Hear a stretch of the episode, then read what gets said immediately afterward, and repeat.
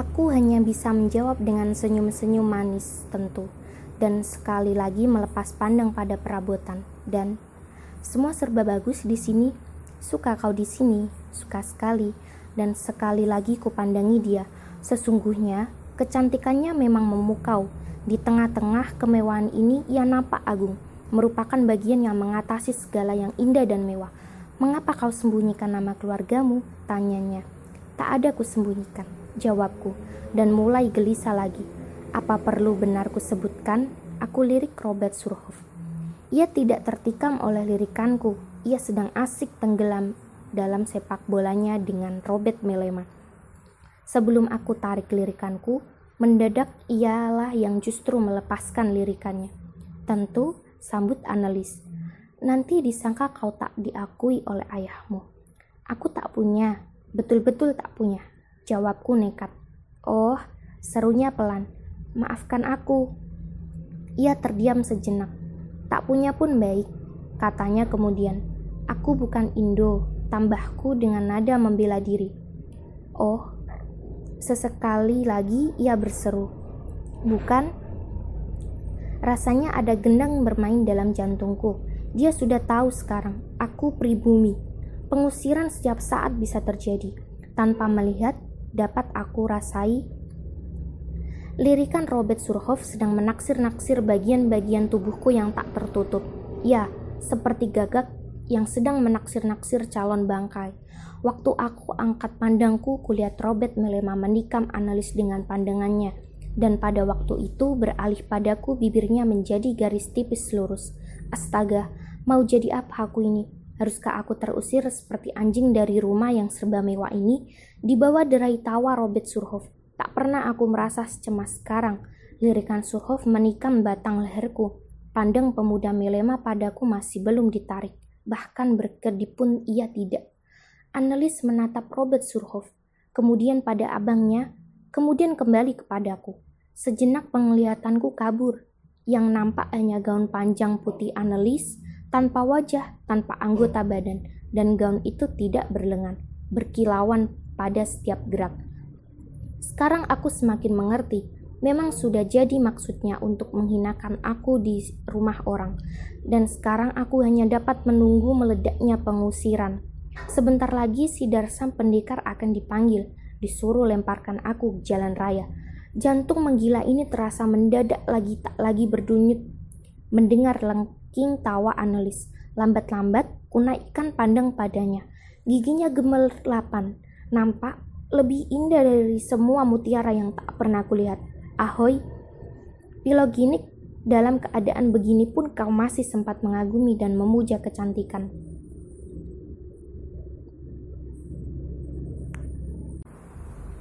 Mengapa pucat? Tanya analis seperti sedang memberi ampun. Pribumi juga baik, Katanya masih tertawa. Pandang Robert Melema sekarang tertuju pada adiknya, dan analis menantangnya dengan pandang terbuka. Sang abang menghindari. Permainan sandiwara apakah semua ini? Robert Surhoff tak berbicara sesuatu. Robert Melema juga tidak. Apakah dua pemuda itu sedang bermain mata memaksa aku untuk meminta maaf? Hanya karena aku tak punya nama keluarga dan pribumi pula. Puh, mengapa aku harus melakukannya? Tidak, Pribumi juga baik, ulang analis bersungguh. Ibuku juga berpribumi, pribumi Jawa. Kau tamuku, Minke. Suaranya mengandung nada memerintah. Baru aku menghembuskan nafas lega. Terima kasih. Nampaknya kau tak suka pada sepak bola. Aku pun tidak. Mari duduk di tempat lain. Ia berdiri menyilakan, mengulurkan tangan, dengan manjanya minta digandeng. Aku berdiri, mengangguk meminta maaf pada abangnya dan Surhoff. Mereka ikuti kami dengan pandang. Analis menoleh dan meninggalkannya senyum maaf pada tamu yang ditinggalkannya. Ruang tamu luas itu kami lintasi. Terasa olehku, langkahku tidak tetap. Pandang dua pemuda itu terasa menusuk punggungku. Kami memasuki ruang belakang yang lebih mewah lagi. Juga di sini dinding seluruhnya terbuat dari kayu jati yang dipolitur coklat muda. Di pojokan berdiri seperangkat meja, meja makan dengan enam kursi. Di dekatnya terdapat tangga naik ke loteng, kenap bertugur di tiga pojok lainnya. Di atasnya berdiri jambang bunga dan tembikar bikinan Eropa. Bunga-bungaan bersembulan dari dalamnya dalam karangan yang serasi. Analis mengikuti pandanganku berkata, Aku sendiri yang merangkai. Siapa gurunya? Mama. Mama sendiri. Bagus sekali. Melihat mantaku terpancang pada lemari pajangan ia bawa aku ke sana. Lemari itu berdiri pada dinding di tentang meja, meja makan.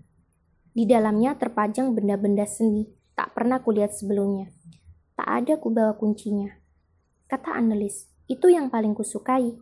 Ia menuding pada patung kecil dari perunggu. Kata mama, itu Fir'aun Mesir. Ia berpikir sejenak. Kalau tak salah namanya Nefertiti, seorang putri yang cantik. Apa pun nama patung itu, aku heran juga seorang pribumi. Gundik pula tahu nama seorang Fir'aun.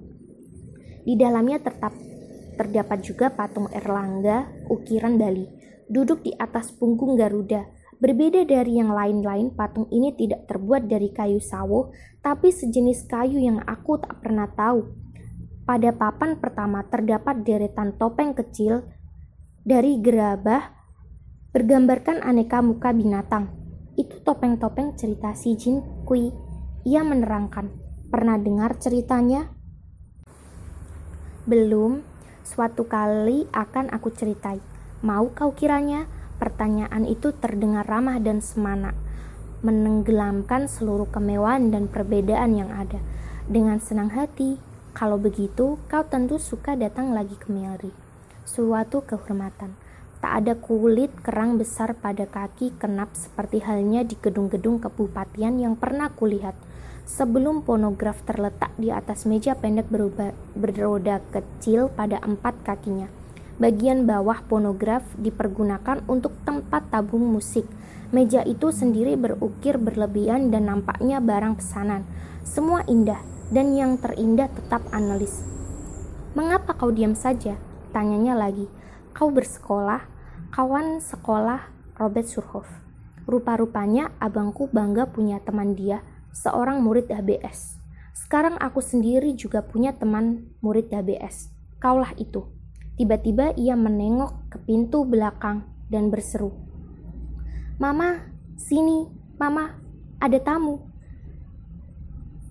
Dan segera kemudian muncul seorang wanita pribumi berkain, berkabaya putih, dia si renda-renda mahal, mungkin bikinan Narden seperti diajarkan di ELS dulu ia mengenakan kasut beledu hitam bersulam benak perak.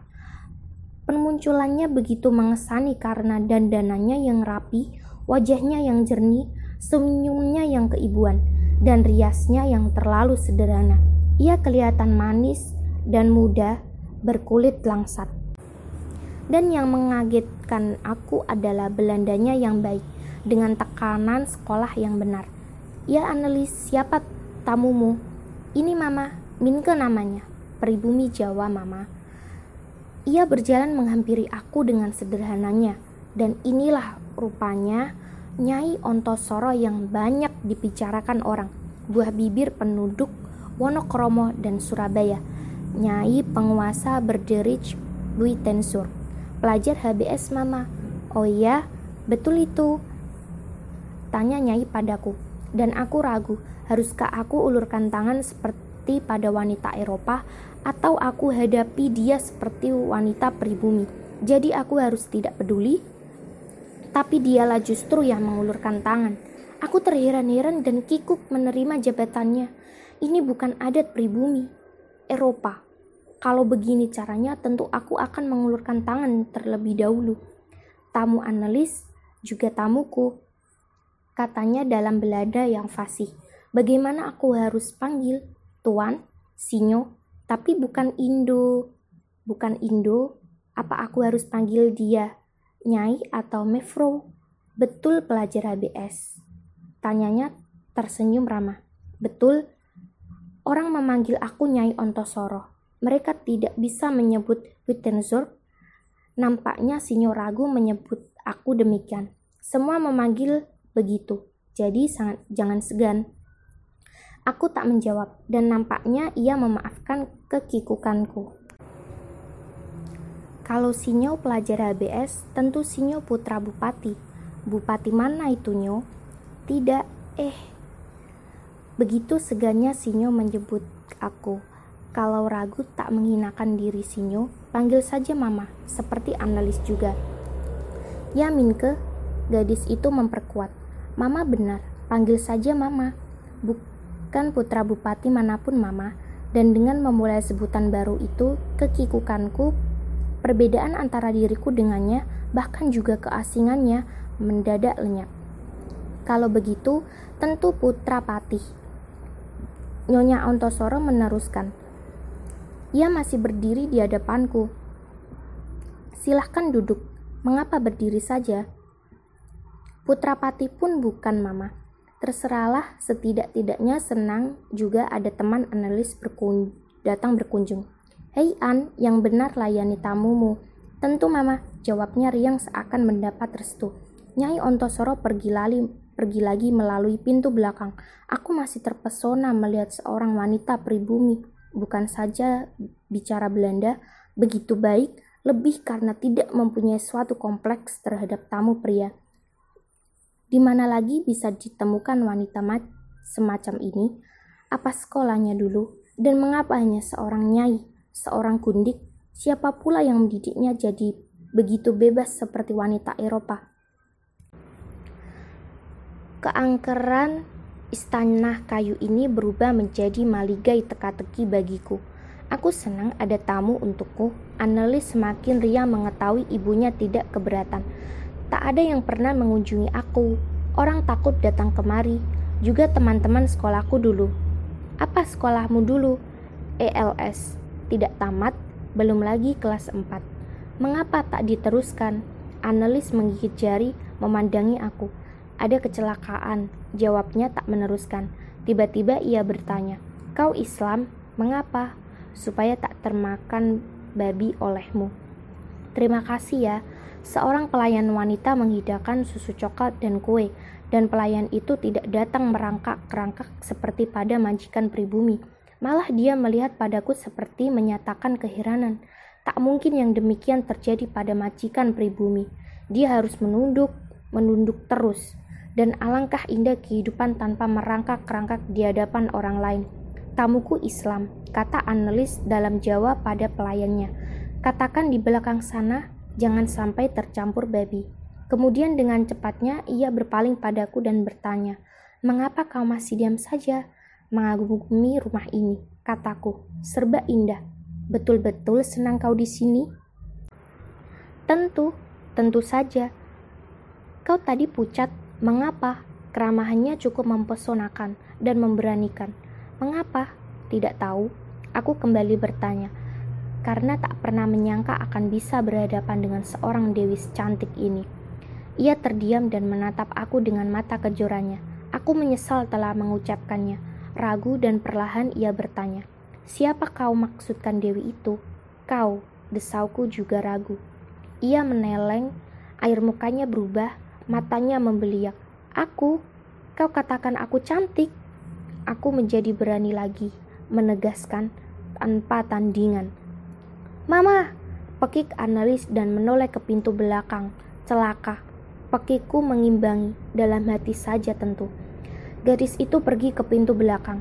Dia akan mengadu padanya. Anak sinting tak sebanding dengan kecantikannya. Dan dia akan mengadu, aku telah berbuat kurang ajar memang rumah celaka ini. Tidak, tidak, bukan kecelakaan. Kalau terjadi sesuatu, itu hanya akibat perbuatan sendiri. Nyai muncul di pintu. Analis menggandengnya, berdua mereka berjalan ke arahku. Jantungku kembali berdebaran kencang. Barangkali aku memang telah bersalah, hukumlah si lancang mulut ini.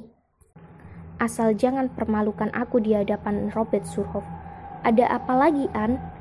Apa dia mengajak bertengkar? Nyo, tidak, tidak bertengkar. Sambar gadis itu.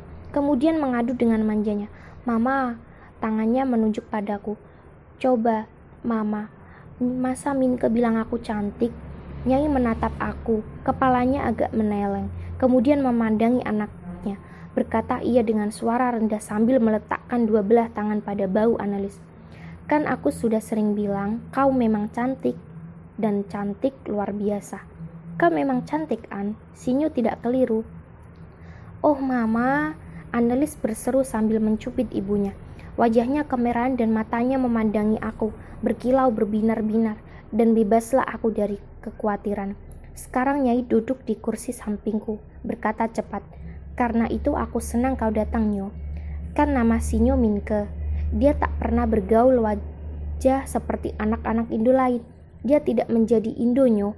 Aku bukan Indo, bantah si gadis. Tak mau jadi Indo. Aku mau hanya seperti mama. Aku semakin heran. Apa yang hidup dalam keluarga ini? Nah, Nyo, kau dengar sendiri. Dia lebih suka jadi pribumi. Mengapa Sinyo diam saja? Tersinggung barangkali ku sebut hanya dengan kau dan Sinyo, tanpa gelar. Tidak, Mama, tidak, jawabku gupo. Kau kelihatan bingung. Siapa pula tidak bingung dalam keadaan seperti ini, bahkan dia sendiri, Nyai Ontosoro menampilkan diri di hadapanku seakan seorang yang sudah kenal begitu lama dan baik, tapi aku terlupa siapa. Seorang wanita yang seakan pernah melahirkan aku dan lebih dekat padaku daripada bunda. Sekalipun nampak lebih muda. Aku tunggu-tunggu meledaknya kemarahan Nyai karena puji-pujian itu. Tapi ia tidak marah.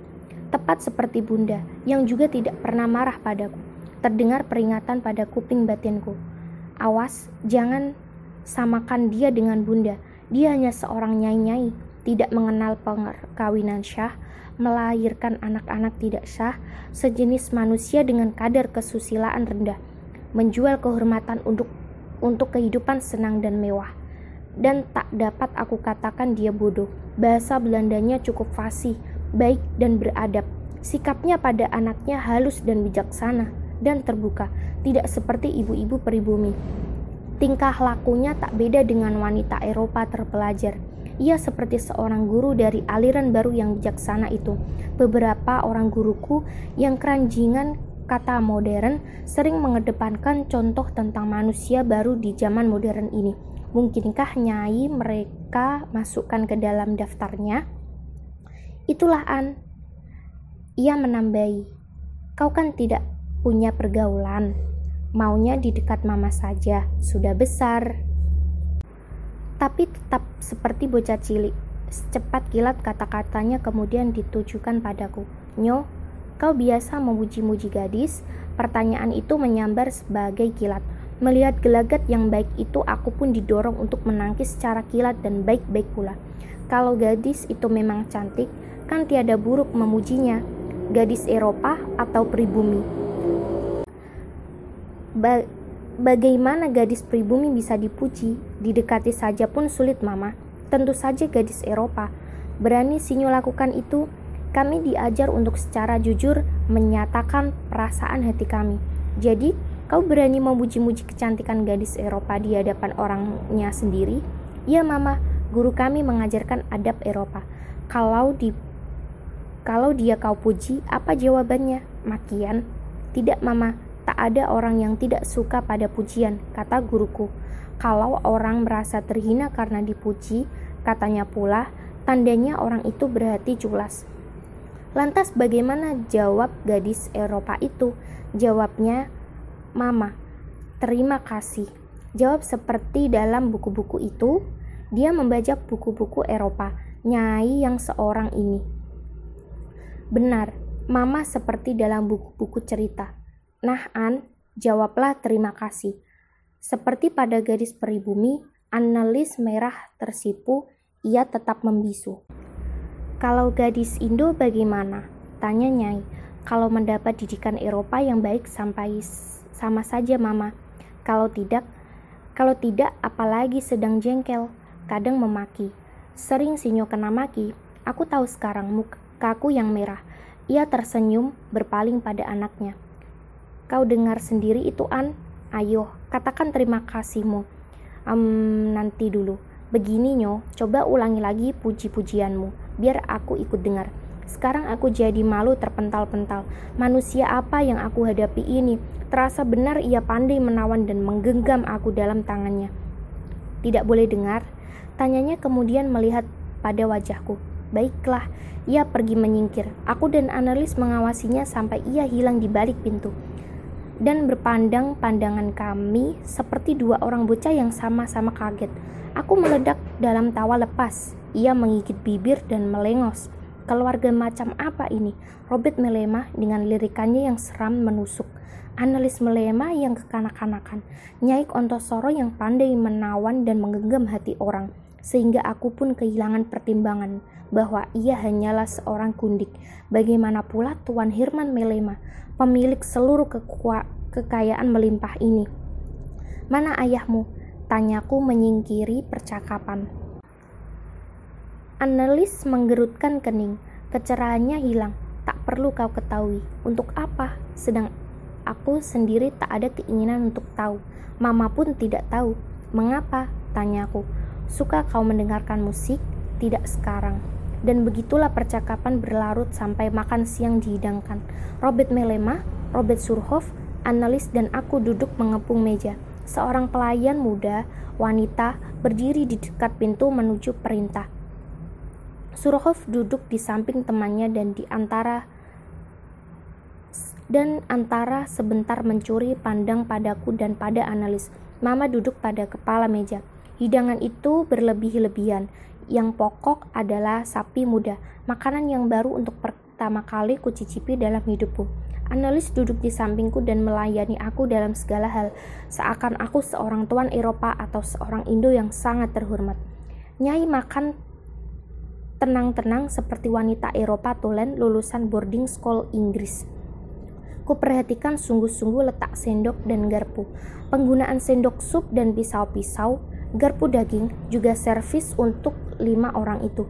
Semua tiada celahnya, pisau baja putih itu pun nampak tak resah pada batu, tapi pada asahan roda baja, sehingga tak berbarut-barut, bahkan juga letak serbet dan kobokan serta pada gelas dalam lapisan pembungkus perak tidak ada cacatnya. Robert Surhoff makan dengan lahap, seakan belum makan dalam tiga hari belakangan ini. Aku ragu sekali pun lapar. Annelies hampir-hampir tak makan, hanya karena memperhatikan dan melayani aku yang seorang ini. Waktu Nyai berhenti makan, aku pun berhenti. Apalagi analis. Robert Surhoff meneruskan makannya dan nampak tak begitu mengindahkan Nyai dan sampai sebegitu jauh belum juga aku dengar wanita itu bicara pada anak lelakinya. Minke, panggil Nyai. Benarkah orang sudah mulai bisa bikin es? Es yang benar-benar dingin seperti dalam buku-buku itu, seperti yang membeku di musim salju di Eropa. Betul, Mama. Setidak-tidaknya menurut subrat kabar. Surhoff menelat sambil mendelik padaku. Aku hanya mau tahu apa berita koran itu benar. Nampaknya semua akan bisa dibikin oleh manusia, Mama. Jawabku. Tapi dalam hati aku heran, ada seorang bisa meragukan berita koran. Semua? Tidak mungkin, bantahnya. Percakapan terhenti seperti direm.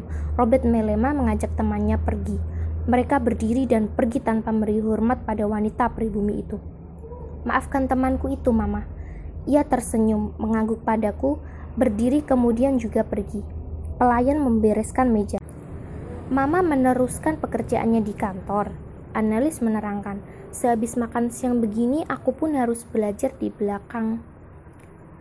Apa kau kerjakan? Mari ikut. Bagaimana temanku nanti? Tak perlu kau risaukan. Abangku pasti akan mengajaknya pergi. Sehabis makan siang biasa ia pergi berburu burung atau tupai dengan senapan angin. Mengapa mesti sehabis makan siang? Burung-burung dan tupai juga sudah kenyang dan mengantuk, tidak gesit. Ayo, mari ikut aku setidak-tidaknya kalau kau tak ada keberatan. Seperti seorang bocah membututi ibunya, aku berjalan di belakangnya. Dan sekiranya ia tak cantik dan menarik, mana mungkin yang demikian bisa terjadi? Ai, pilih Melalui pintu belakang, kami memasuki ruangan berisi kantong-tong kayu bergelang-gelang besi. Pada sebuah yang terbesar terdapat pesawat pengaduk di atasnya. Bau susu sapi memenuhi ruangan. Orang bekerja tanpa mengeluarkan suara, seperti membisu. Antara sebentar mereka menyeka badan dengan sepotong kain, masing-masing mengenakan kain mengikat rambut berwarna putih. Semua berbaju putih dengan lengan tergulung 10 cm di bawah sikut. Tidak semua lelaki sebag sebagian perempuan nampak dari kain batik di bawah baju putihnya. Perempuan bekerja pada perusahaan mengenakan baju pelacu pula. Perempuan berbaju dan tidak di dapur rumah tangga sendiri. Apakah mereka berkembang juga di balik baju belacu itu? Aku perhatikan mereka seorang demi seorang. Mereka hanya sekilas memperhatikan aku Analis mendekati mereka seorang demi seorang, dan mereka memberikan tabik tanpa bicara, hanya dengan isyarat. Itulah untuk pertama kali ku ketahui, gadis cantik kekanak-kanakan ini ternyata seorang pengawas yang harus diindahkan oleh para pekerja lelaki dan perempuan.